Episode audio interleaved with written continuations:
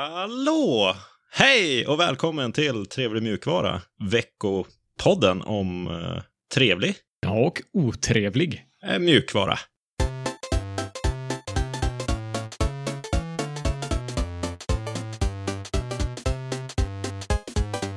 Mitt namn är Alexander. Med mig har jag som vanligt Seb. Ja, Tjena! hur är läget? Ja, det, det är ju lite spännande i valet där borta på andra sidan eh, vattnet. Men Ja, det är det. Du har följt det också. Det är väl svårt att missa det, tror jag. Ja, det är överallt, så man vet inte vad man ska tro. Nej. Vad har du hittat på den senaste veckan? Ja, Jag har ju följt eh, valet och så har jag... Mycket av min hjärnkapacitet har gått åt till vårt eh, Civilization 5-game som vi spelar. Ja, den... eh, Man, man känner sig lite väl engagerad i den matchen, känner jag. Ja, verkligen. Man gör ett drag och så skickar man det. Play by e-mail är det. Jag har hållit på sedan i augusti eller något sånt, tror jag. Slutet av Mm. augusti. Ja, det är riktigt långtgående. Det kommer nog hålla på kanske ett halvår till eller något i den stilen. Så man har mycket tid att fundera på de där små, små, små dragen man kan göra. ja, om inte du blir bortblåst snart. Ja, det verkar som att det finns en risk för det. Ja, det är mycket spännande. Mycket plotting och... Ja, mycket diplomati men, mellan folk. Ja, ja. Vad ska vi prata om den här veckan då? Denna veckan så kommer vi kolla på två lite större nyheter och sen kommer vi introducera ett lite nytt, kortare nyhetssegment som vi temporärt kallar för kort och gott. Ja, Och sen har vi som vanligt en otrevlighet, en trevlighet och så lite uppdateringar på våra utmaningar. Vi ska kolla på hur gick det med VIM? Det var ett tag sedan vi startade med det nu. ja vi har inte pratat så mycket om det. Spännande. Men eh, först, nyheter.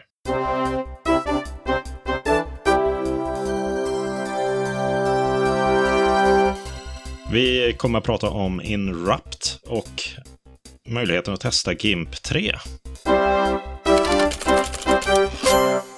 Eller delar av GIMP 3 kan man kalla det. Men först Inrupt. Yes, Och vad är det för någonting? börja med det. Ja, det är en jättebra fråga. Har du någonsin, så brukar du börja de här segmenten. ja, men, Har du någonsin varit orolig för att organisationer och företag och sidor på nätet och appar samlar din information och du vet inte riktigt vad de har eller vad de gör med din data? ja, och någon gång har man väl varit lite fundersam på det där, minst sagt. Det är ju väldigt mycket snack om det just nu. Ja, Det är lite kaos på nätet kan man säga i det avseendet. ja, Inrupt, eller egentligen Solid, kommer vi snacka en del om, är ett sätt att eh, fighta mot det här. Så tanken är att du ska kunna säkra din personliga data med hjälp av den här tjänsten. Så att du själv har kontroll över vilken data du delar och vem du delar den med. mhm. Låter spännande. Ja, är det han eh, Tim Berners-Lee? Precis. Han har ett finger med i spelet. Vem är Tim Berners-Lee? Han brukar ofta kallas mannen som skapade internet. Kanske lite orättvist, men han skapade åtminstone första versionen av HTTP och HTML och även den första tidiga webbservern och eh, webbläsaren. Så han är definitivt en, eh, en pionjär där inom det området. Ja, Just det. Och han är då CTO på Inrupt, som är det här företaget som implementerar en Solid-server. Så de kallas, de säger att Inrupt är en production grade Solid-server. Okej. Och då kanske du undrar Vad vad är, är Solid? ja, vad är en solid server? Precis. Så Solid är en öppen standard med öppen källkod eh, som är en, egentligen en lagringsteknik för din personliga data. Så den är baserad på webbteknologier, så man kan bygga appar mot den i webbläsaren. Mm. Och den här lagringen kan hostas hos en provider, eller så kan du hosta den lokalt. Så precis som en Mastodon-instans kan hostas hos en provider, masto.host, eller så kan du ha den lokalt, eh, självhostad, så att säga. Ja. Och man kan ha flera sådana här pods, kallas det för. Och eh, pod står för Personal Online Data Stores Okej. där du lagrar dina uppgifter. Så du kan ha en podd för dina privata uppgifter och en podd för dina businessuppgifter. Och med hjälp av Inrupt så kan man få access till eh, datan i en podd och dela den med andra appar som har integrerat Solid då, som är lagrings systemet. Okej, så det är... Man centraliserar eller bryter ut den, eh, den sortens data. Och man som användare får kontroll över den datan. Samtidigt som andra tjänster jackar in i den datan och ber om eh, rättigheter till den datan då. Eller? Exakt, exakt. Så om vi föreställer oss en framtid där Facebook är integrerat mot Solid så måste Facebook be dig om uppgifterna de vill ha. Så ditt namn, eh, vart du bor någonstans, de samlar ju alla möjliga typer av uppgifter. Just det. Och du måste explicit godkänna att de får ta del av de här uppgifterna. Mm. Så du har kontroll, som sagt, över vilken data du delar och med vem. Ja, och när. Så man kan ju ta bort det då. Det finns inget sätt för dem att återkalla datan. Nej, okej. Så, så fort du har delat datan med någon så f- finns den där ute. Aha, jag trodde att det var någon sån här, man ger dem en liten, eh, en liten låda med en kedja som är kopplad till mig. Och sen när jag Mm. vill så kan jag dra åt kedjan igen och ta tillbaka lådan. Just det, just det. Ja, nej, de säger att eh, det finns det inte stöd för. Det, hade, det känns som att det hade varit väldigt svårt att implementera. Hur Ja, ska det går man ju inte att förhindra garantera. dem från att nej, de, Kopiera. nej, precis. Det kanske är- ger någon slags eh, falsk säkerhet då. Ja, just det. Precis, man tror att man är säker, men egentligen har de kopierat det någonstans. Ja, ja, Eh, men i en perfekt värld så hade det ju varit så, såklart. Men det här är ju ett bra steg eh, på vägen, tycker jag det låter som. mm, Så Alltså, både fysiska personer som du och jag, eller organisationer, kan använda pods, sådana här personal online data stores. Ja. Och de har testat det här. De har testat Inrupt, som är en implementation av Solid, som sagt, med BBC, eh, NatWest Bank, National Health Service i Storbritannien och några andra regionala myndigheter. Och nu så har de i måndags, beroende på när du lyssnar på det här, den 9 november släppt det här öppet så att eh, vem som helst kan ta del av Inrupt-tjänsten. okej. Vad är det för eh, version de har släppt nu då? Är det, är det 1.0 eller är det någon test eller vad är det? Jag vet inte vad det är för version faktiskt. Det har jag ingen aning om. Eh, De har ju haft en testversion tidigare uppenbarligen, så de har testat med de här företagen då. Mm. Eh, Så nu är det väl mer eller mindre eh, deras första skarpa version då, som öppnas upp för, för allmänheten. Ja. Ett eh, bra exempel på hur det här kan användas är om du går till doktorn och du vill dela din hälsodata med doktorn. Så har doktorn en Solid-app och du har en Solid-app. Och så begär doktorn eh, data eller så skickar du data till eh, doktorn. Så får han ta del av precis den, den datan han behöver. Okej, så vem är det som ska drifta det här då? Det som sagt finns antingen hosts, så att eh, f- de hoppas på att det kommer ploppa upp en massa, en massa tjänster som konkurrerar med varandra, Ja, som implementerar Solid. Precis som Inrupt har gjort, så hoppas de att det ska komma konkurrenter till dem själva. Då. Eller så är alternativet att du hostar den själv på din egen server. det är inte aktuellt att det är staten som hostar. Det är en idé, Ja. absolut. Det har jag inte hört eh, eller läst någonting om. För det är ju nästan en samhällstjänst det där. Ja, det, är, det rör sig däråt. Det tycker jag med. Ja, det är ju extremt många samhällsfunktioner som hänger på att eh, de kan dela eller ta del av min data. Och det blir Ja. ju effektivare tjänster om det är digitaliserat och lättillgängligt. Just det. Så Precis. att eh, det är något, någon myndighet som driftar det där på heltid och ser till att det är säkert och så vidare. Det är väl inte helt otänkbart. Nej, inte i Sverige åtminstone. Vi har- har ju lite tur i det avseendet att vi litar väl generellt ganska mycket på vår stat. Ja, Eh, det är Men väl så. alla länder har ju inte samma lyx. Nej. kanske. Intressant ändå. Ja, det är det. Men det är klart, han har ju hållit på nu ett tag. Han måste ju klå sig själv eh, på Ja, något sätt. precis. Eh, Över- över- internet 2. Han har gjort internet 1. Nu är Ja. det internet 2. Precis. Ja, men det är lite frågetecken också som jag har. Så appar som tidigare har varit gratis på grund av att de kan sälja dina personuppgifter och tjäna pengar på det kommer ju behöva få in de pengarna på något annat sätt. Så om det här tar fart så förutspår jag att appar som tidigare har varit gratis kommer kosta pengar. Det beror ju på hur, man, eh, hur de gör. Det går ju fortfarande att kopiera uppgifterna och ha något avtal som tvingar användare att gå med på att de får sälja de uppgifterna. Just det, precis. Mot att få tjänsten eh, gratis. Det här gör det bara lite enklare för de tjänsterna att samla in din data. För de Mm. behöver inte bidra med gränssnitt för att fylla i data och sånt. Just det. Och troligen så kommer det ju finnas en sån här eh, acceptera alla, precis som du gör med cookies som dyker upp på webbplatser. Många kanske inte bryr sig om sin data, så de kommer bara trycka acceptera på, på allting. Men eh, steget finns där i alla fall och möjligheten att inte dela finns där. Så den är ju opt-in som default istället för opt-out som det är nu på nätet. Mm. Ja. Eh, Något annat som jag tror är viktigt är den här kritiska massan. Så att om folk inte använder det här så kommer appar inte bygga in stöd för det här och då kommer det inte att, kommer det inte att hända helt enkelt. Och företag och institutioner måste också vilja gå med i den här idén. Och varför skulle de göra det? Det måste ju vara på grund av att användarna kräver att den här funktionaliteten finns. ja, men det är väl den där kritiska massan som behövs. Ja, precis, precis. Och då gäller det att tillräckligt många bryr sig om vad som händer med sin data. Mm. Och det är jag inte säker på att eh, tillräckligt många gör, men eh, vi får se. Det finns eh, lite appar idag som använder det här. Så det är ju en v- ny teknik. De har precis släppt eh, första versionen av en implementation av Solid, Inwrapped. Och det finns några testappar. Testappar säger jag. Jag vet inte hur, eh, hur väl polerade de är egentligen. Men eh, det jag kan se är att det finns appar för att hantera dina pods. Ja, Så där, repositoriet där du sparar dina uppgifter. ja. Det finns chattappar, adressboker, adressboker, adressböcker, Mm. eh, spel. Det fanns något decentraliserat schack till exempel, såg jag. Okej. Ja. Eh, ratingtjänster, anteckningar, projekthantering, väderappar, kalender, ja, några smakprov. ja. Det är nog han Tim Berners-Lee som har pushat på den där schackappen. Ah, han kanske är, ja, det skulle inte förvåna mig om han är Ja, schack. Han ser ut som en riktig schackspelare.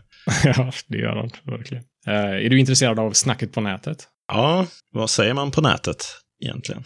Någon säger att det här är som att försöka trycka tillbaka tandkrämen in i tuben. Ja, Tycker jag var lite rolig liknelse. ja. Datan finns ju redan där ute. Det är ju redan för sent för oss. Vi har ju delat eh, hela vårt liv med Facebook. ja men det var ju lite tråkig, tråkig inställning på det, tycker jag. Ja, ja det tycker jag. Det tycker jag också. Han har ju gett upp, uppenbarligen. Ja. Om inte annat för framtida data eller för framtida generationer. Mm, precis. Det kommer faktiskt fler generationer. Ja, vi hoppas det. Ja, Många är också kritiska mot eh, Tim Berners-Lee för att han har tydligen hjälpt till att släppa igenom en DRM-standard i HTML5. okej, något helt eh, orelaterat alltså. Ja, precis. Ja. Många säger att den här idén är skit för att han egentligen inte är en fighter för eh, det öppna och säkra internet för att han har pushat igenom den här standarden. Eh, Det tycker jag är ett ganska kast argument. Ja, Bara för att man har gjort en sak fel i vissas ögon så nej, då är det betyder inte att kört. man inte kan göra något rätt. Ja, precis. Nej, men det håller jag med om. Det, man får vara lite pragmatisk, tycker jag. Precis, exakt. Annars är det väl är det ju blandade, blandade känslor. Många som tror att det inte kommer få tillräckligt eh, stor adoption. Eh, många som tycker att det är ett bra initiativ. Mm. Vad tycker våra lyssnare? Ja, hojta till. Testa GIMP 3.0 features. Ja, jag hade hoppats på att jag skulle få höra din sån där GIMP. GIMP. Det var med i någon, eh, en blooper för några Eh. avsnitt sedan. Ja. Ja, vad står GIMP för egentligen? Det vet jag inte. Image manipulation program, någonting. Ja, GNU Image Manipulation Program. Ah, okej. Och det har ju varit lite kontroversiellt det namnet. Folk har ju forkat det för att byta namn ibland och sådär. Men eh, den, den har stått, stått sig genom tiderna ändå. 1995 så började Peter Mattis och Spencer Kimball att utveckla GIMP på Berkeley i Kalifornien. Mm. Och i samband med att man utvecklade GIMP så utvecklade man även ett ramverk eller en verktygslåda för att bygga grafiska gränssnitt som eh, kallas för GIMP Toolkit eller GTK om du har hört talas om det. Ah. Det har jag, men jag hade ingen aning om att det stod för GIMP Toolkit. Nej, det är inte så många som vet om det faktiskt. Om man inte Fräckt. har, om man inte har dragit ut namnet och googlat på det. Så. Nej, okej. Vissa misstar det ju för typ Gnome, Toolkit och så vidare. Men eh, det är GIMP, Toolkit. Ja, Ah, okej. Och GTK används ju i majoriteten av Linux-distributionerna och i, Mm. i applikationerna som, som kör på Linux. Just det, just det. Och det är liksom ramen runt programmet och menyer och knappar och sådana där saker. Ja, det är någon, ja, det beror på vilken skrivbordsmiljö man kör, men det, åtminstone så är det ju knappar och sånt som är i gränssnittet. Ja. Och eh, GTK har ju s- sedan flera år tillbaka funnits i version 3, men GIMP är kvar på version 2. Punkt. Ja, vilken version av GTK 2, det vet jag inte faktiskt. Jaha, jag trodde du menade... Det ser ut som att GIMP var på version 2.99. Ja, den GIMP-versionen är nog 2.99 någonting. Eh, Den är ju nästan uppe i 100%. Ja, men nu är de eh, nära. GTK 2.0 släpptes ju juldagen t- 2000.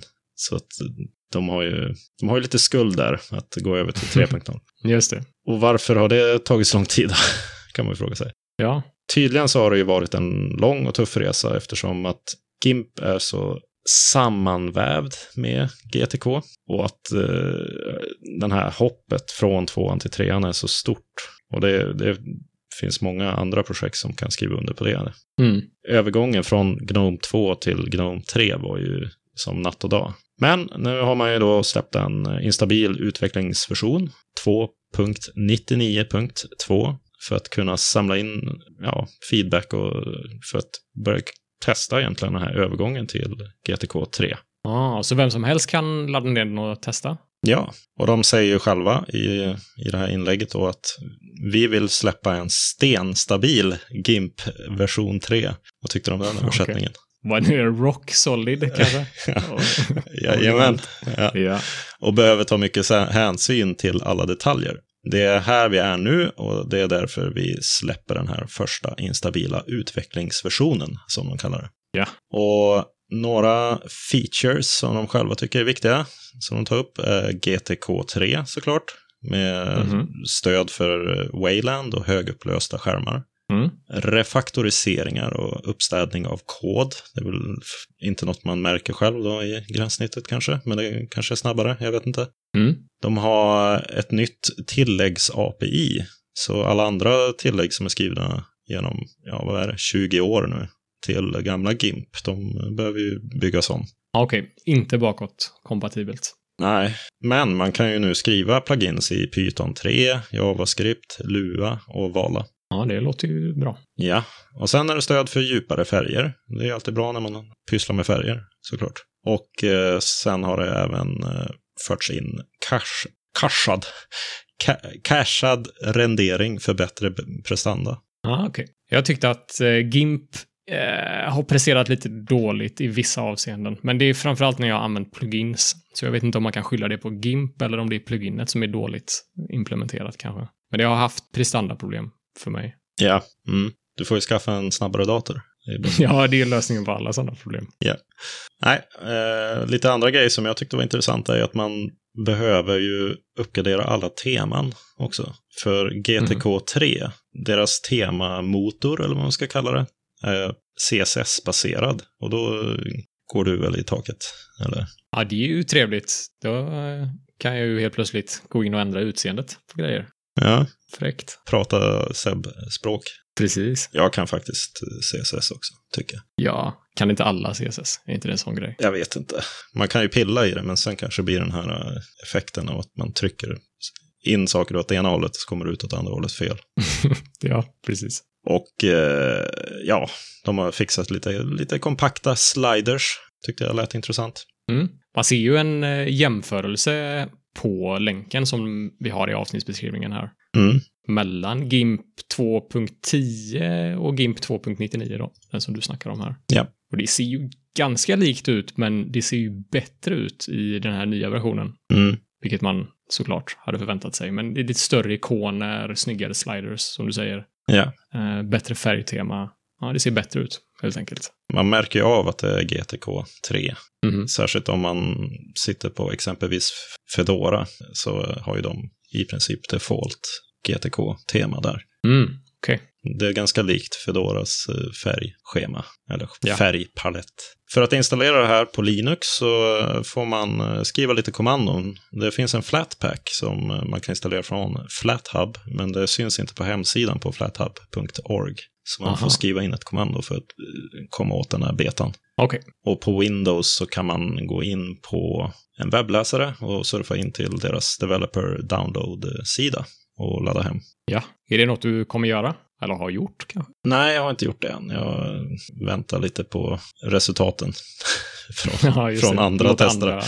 Ja. Jag kan precis. komma in och testa när folk säger att det fungerar bra. Yes. För du använder GIMP eh, ganska mycket. tror Ja, jag. nu var det länge sedan jag använde den faktiskt. Eh, Ah, Okej. Men jag, ja, om jag ska göra något avancerat, eh, rasteriseringsjobb eller något, någon, skissa på någonting, då är GIMP min eh, go-to. Ja, vår eh, trevlig mjukvara-logga är gjord i GIMP. Du har snackat i, om GIMP så länge jag har känt dig. Ja, 15 år, eller hur länge det nu är. jag började väl 2008 med GIMP, så jag kan det väl ganska bra nu. Ja, ja. Det är en tröskel att gå från eh, Photoshop till GIMP. Men när man väl har gjort det så är det faktiskt inte så farligt. Det känns bättre i vissa avseenden. Mm. Ja, det har jag också hört. Jag har inga problem med det heller. Jag är så pass eh, okunnig i Photoshop, så jag behöver inte lära om mig en massa grejer. De har ju lite mera AI-powered eller maskininlärningsbyggda verktyg som kanske GIMP saknar. Just det, just det. Men eh, det är inget som jag saknar. Nej. Snacket på nätet är ju äntligen såklart att det är på G med 3.0. Ja. Man har ju bara väntat i 20 år nu. Ja, ja. Nej, jag är inte riktigt 20 år. Jo, 20 år. Nu, 20 juldag, år. Juldagen 2000 kom ju. Ja. Eh, och så säger ju andra att det här är ju i princip en 3.0-beta. Den funkar så pass bra, med andra ord. Ja, jag skulle väl kalla den 3.0-alfa i och med att det, men det var så han formulerar. Okej. Så det ser vi fram emot. Och det surras lite om att det kanske är så att det dyker upp i nästa år. Alltså 3.0. Ja, ja fräckt. Så lite, lite över 20 år. Jag tror, bara nämna att GIMP är gratis och GIMP är open source. Ja, om någon undrar vad det f- finns för andra skillnader mellan Photoshop och GIMP så har ju GIMP ett f- stort, stort eh, försprång där i min bok. Ja, och det är ju ett alternativ till Photoshop. Just Jag tror inte vi har nämnt det. Vi bara körde rakt på här. ja, Ja, ska vi ta lite kort och gott då, som har Det gör hänt i övrigt i veckan. yes. Plasmas eh, systemövervakare har vi fått en liten eh, uppfräschning, facelift, vad ska man kalla det? Ja, just det. Facelift är fint. Mm. Gillar. Mm. Så det är lite mera mm, snygga grafer och lite mer uppstyrd layout på, på det gränssnittet. Det är ju det här där man ser processor, minnesanvändning och ja, disk. Just det, precis. Det är kul. Och nätverks... Eh, vilka applikationer som är startade och hur nätverksbelastningen ser ut och sådär. Mm. Det är inte släppt än, men det kommer snart. Mm. Ser jättebra ut på skärmdumparna här. Och uppgradera Pinephones hårdvara. Ja, och det här riktar sig till de som har den här Braveheart Edition. Det är jag. Som du har. Ja. Och eh, många andra. Det är inte bara jag som har en Braveheart. Och eh, den här UB Ports Edition som kom ut i våras. Det är Mm. egentligen de här telefonerna som har 2 GB ram. Okej. Då kan man betala 79 dollar och så får man ett, eh, en liten, ser ut som ett litet kretskort som man kan byta ut sitt befintliga kretskort med. Så får man 3 GB ram och 32 GB inbyggd eh, lagring. Ah, fräckt. Ja, Väldigt häftigt att de eh, släpper såna här moduler och de eh, låter användare skruva upp telefonen och faktiskt byta ut komponenter i den. Det är ju, bäddar ju för framtidssäkerhet på ett helt annat sätt än vad en iPhone gör. det är bara plus, pluspoäng där. Det var alla s- korta snabba nyheter vi hade för den här gången. Ska vi kika på en liten, liten otrevlighet kanske? Det gör vi. Håll i dig. Jag håller i mig. NPM-paket. Hjälp. Jag vet inte vilket NPM-paket så jag får fick säga så. Nej, det, det var inte tydligt i titeln här. Det är ett NPM-paket som heter discord.dll. Okej. suspekt namn? Frågetecken. Och det är säkerhetsexperter på företaget Sonatype som har upptäckt det här eh, dåliga NPM-paketet som har varit publicerat i två veckor på NPM. Och NPM är ju något pakethantering för Node, JS och JavaScript-applikationer. Exakt, exakt. Node Package Manager står det för. Mm. Ja. Precis som du säger. Och på tisdagen så plockades det ner den 10 november, så nu finns inte det här längre, som tur är. Hur många laddade hem det då? Eh, Det jag kan se är att den har 40 weekly downloads. Okej. Eh, Men det ser ut som att grafen har spikat lite tidigare, så jag vet inte. Det är ju fler än, eh, fler än inga i alla fall Okej. som har laddat ner det här. Ja. Vad är det för uppgifter den stjäl då? Det är uppgifter ifrån eh, Discord, Chrome, Brave, Opera, Yandex. Och uppgifterna är browserhistorik från webbläsarna då och eh, access tokens som man använder för att integrera med andra tjänster och delar av applikationen. Okej. Och det är från en Level DB-databas, kallas den databasen som de försöker sno uppgifterna ifrån. Okej. Eh, Uppgifterna har postats till en Discord-kanal där hackarna antagligen satt och väntade på att uppgifter skulle trilla in från folk som använder det här paketet Aha. på sin dator. Det var ju... Ja. Lite i- intressant är att de inte har targetat Firefox, tycker jag. Ja, Firefox har ju större marknadsandel än Opera. eller hur? Men jag vet inte. Det kanske är för att det inte funkar, det här hacket på Firefox. Jag vet inte. ja, det var intressant. Det visar sig att det här är en förbättrad version av ett tidigare sånt här elakt NPM-paket som upptäcktes för eh, ett par månader sedan. Som kallades för Fall Guys.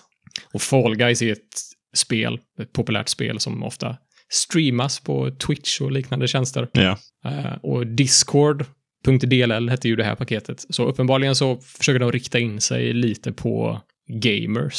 Ja, Vilket också är lite intressant. Jag k- tror väl att gamers kanske har en benägenhet att bara klicka på saker. okej. Så de, de riktar in sig på folk som googlar på Fall Guys eller Discord och så läser de instruktionerna om hur man installerar den här saken. Ja, det är ju lite oklart för mig hur den faktiskt installerades. För att det är ju ett NPM-paket. Det är ju liksom ingen fil du kan klicka igång på din dator, utan du måste ju ha ett JavaScript-projekt i bakgrunden som... Ja, men är det Hämtar hem eh, den inte, här. ja, men är det inte så att folk bara läser på och så bara, ja, men då behöver jag installera den här Node-grejen för att få Just det. Discord och sen, ja, men, och sen kör jag det här på command, sen får jag Discord. Exakt, exakt. Så tror jag absolut att det var.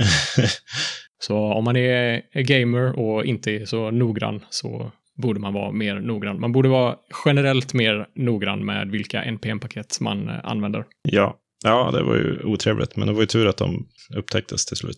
Det lär ju finnas fler paket där ute, så, Det gör det. mm. Garanterat. 100 procent. så eh, var lite nojiga eh, när ni letar upp NPM-paket och kollar upp alla ni använder. Ja, speciellt om den har låg, eh, låg antal downloads. Ja, Klicka alltid in till hemsidan eller GitHub-repot och läs. Se om det finns några issues och den typen av saker. bra tips. Ska vi gå in på något lite trevligare kanske? Ja, tack. Tack, tack, tack.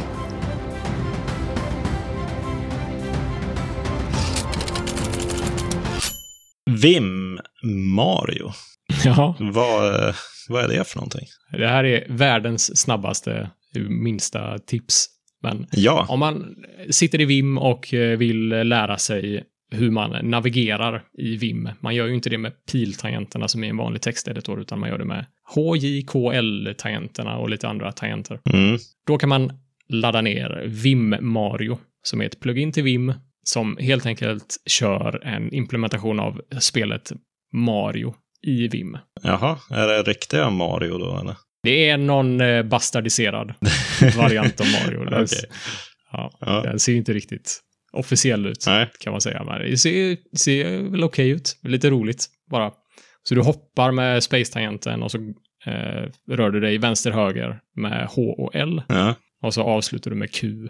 Så det är lite för att få in f- eh, ryggmärg, vad heter det? Ryggrads... Ja, eh, ryggmärgen. Eh, In dig i ryggmärgen. Ja. Ja, översättad. Alla, alla fattar. Och det finns också andra sådana här. Vi har snackat om eh, Vim Adventure tidigare, som är ett äventyrsspel där du rör din gubbe med de här Vim-tangenterna Ja. också. Den är på webben. Mm, det är den. Men den här installerar man på sin, i Vim typ. Ja. Det är en plugin till Vim. Ja. Och då tar den hänsyn till eh, om man har custom eh, ändrat binding, eller? Ja, det är en jättebra fråga. Det vet jag inte. Jag tror att det är väldigt få som an- ändrar de här eh, HJKL-tankarna. Ja, ja. Jo. Men ja, det är, den borde fixa det, Ja. tycker jag. Jag vet inte. Ja. Eh, många tycker att de här spelen är ju fjantiga och de säger man behöver inte spela för att lära sig, använd bara Vim Tutor. Så Vim Tutor är det det inbyggda eh, sättet att eh, lära sig Vim. Mm. Jag tror jag testade det någon, eh, en snabb gång någon gång. Men det var något Ja. som jag inte riktigt fastnade för. Det är skittråkigt. Ja. Ursäkta. Men... ja. Nej, bra tips. Ja.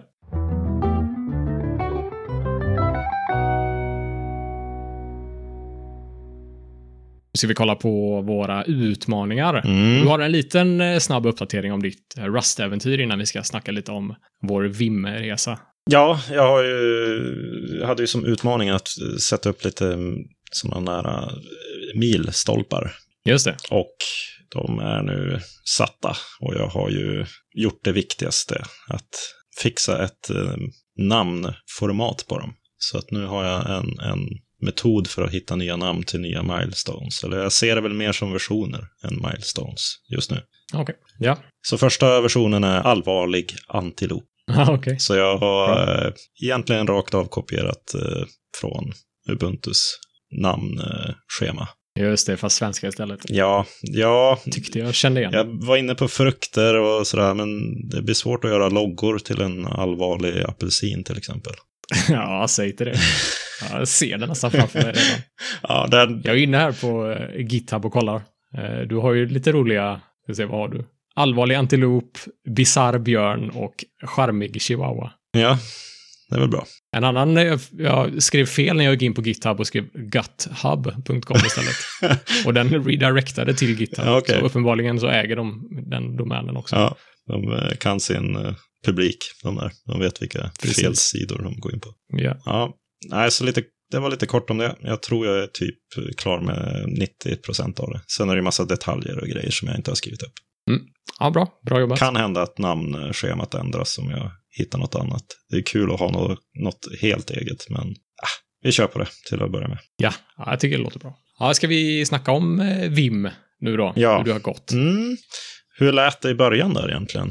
Har vi något eh, klipp där? Den 7 april släppte vi avsnitt 1 av säsong 3 och det var där omkring vi började med VIM-utmaningen faktiskt. Mm. Mm, men vi har en confirmed. utmaning som vi ska ge oss in på med lite kortare deadline. Båda två ska ge sig in på den här utmaningen. Mm. Ska du säga det? Vi kan säga varsin eh, bokstav. Ja. V. Ja, det Du sa var det. båda V. Okej. I. M. Vad blir det? Vim! VIM. Vad är det för påhitt? Ja, det är ju väldigt populärt bland de som är invigda. Och jag försökte ju ge dig in på det för några år sedan. Ja. Och du gick ju i taket. Ja, det är otroligt komplicerat vid första anblick åtminstone. Ja, men det blir ju eh, desto bättre utmaning.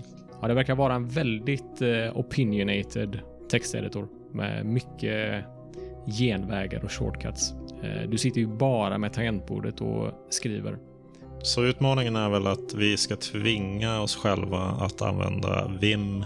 Kanske inte just texteditorn Vim, utan att man har Vim keybindings i VS Code eller vad man nu kör för något. Just det. För min del kommer det bli VS Code, så det finns ett par plugins som emulerar Vim i VS Code. Där man har eh, i princip eh, alla features med några få undantag. Ja, det blir spännande helt enkelt. Det blir spännande. Jättefrustrerande kan jag tänka mig i början. Vi får eh, lägga en rapport varje vecka och meddela varandra hur det känns. Jag är bara rädd för att jag kommer glida tillbaka och avaktivera pluginet. Ja, då har man ju förlorat utmaningen direkt. Okej, ja. Fair enough. Okej. Ja, så lät det för ett halvår sedan. Ja, det gjorde det. Jag var oskyldig över lätt. Ja, Hade ingen aning. nej, vi visste inte bättre. Precis. Ja, men vi har ju lyckats eh, hålla kvar i VIM, Ja, eller hur? ja, Länge nu. nu föredrar man ju Vim, eller jag gör det i alla fall. Ja, det är samma här. Jag vill inte gå bort från det nu. Har du råkat ramla in på någonting där man inte har Vim-tangentkopplingar? Ja, men hela tiden. Eh, När man ja, öppnar någonting i Kate har jag ett program som heter som läser textfiler. Mm. Försöker man använda Vim-kommandona och det blir ju bara kaos. ja, man känns lite, man blir lite handikappad i de andra programmen. Man måste använda Ja. musen och hålla på. ja, Det precis. är ju jättejobbigt. Ja. Nej, så det, än så länge har det varit värt det. Men det känns ju fortfarande som att man, man är väl ungefär på 10 kapacitet eller någonting. ja, det gör det. Men det har jag ju hört om folk som har använt Vim i decennier som fortfarande säger att de inte kan allting. Så det är nog ett livslångt projekt det här. Ja, men det var lätt värt det, även om det var väldigt tufft i början. Ja, jag skulle säga att eh, någon en vecka kanske det tog innan det började kännas lite bra i alla fall. Det är ganska lång tid med tanke på att man sitter varje dag med det i en vecka och kämpar. Ja, ja det är det. Men det var, det var lite roligt också. Man, eh, man, fick ju, man fick ju lite liv i utvecklingen. Det, var, liksom- det var, blev lite intressant igen att skriva kod på ett annat sätt. Ja, just det.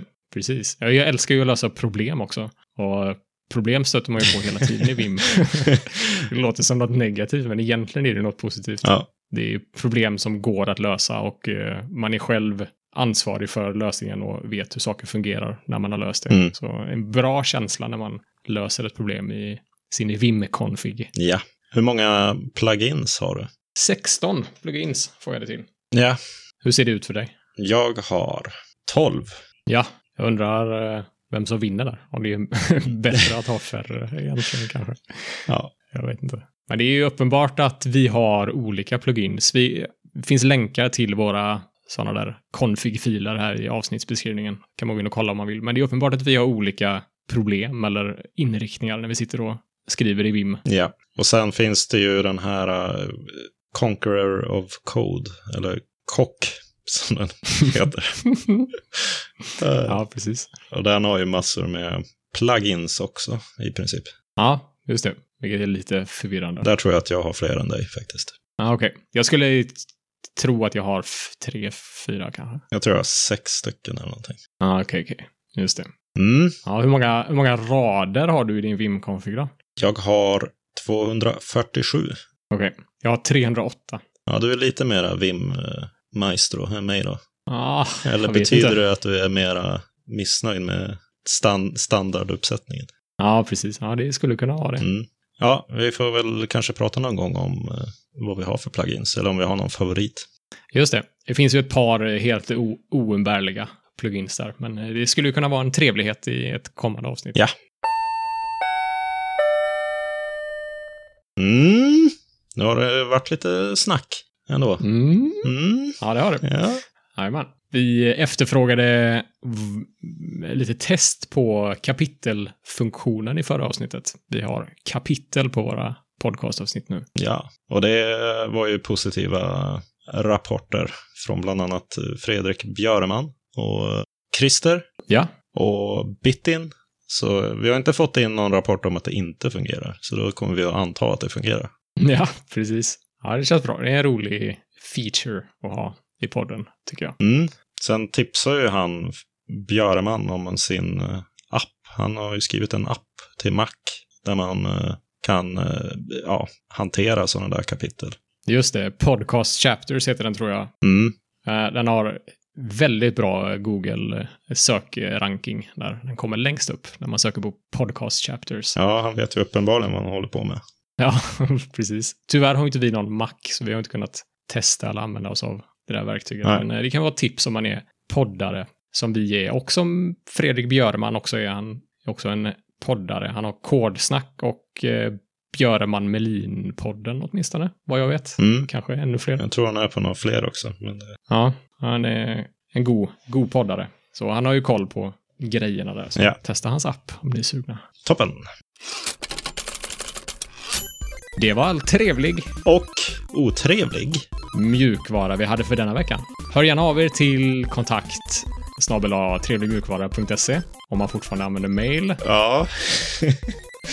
och eh, vi finns även på Telegram, Mastodon, GitHub och LibraPay om man vill donera lite. Tack för denna veckan, detta avsnittet. Trevlig mjukvara på er! Trevlig mjukvara!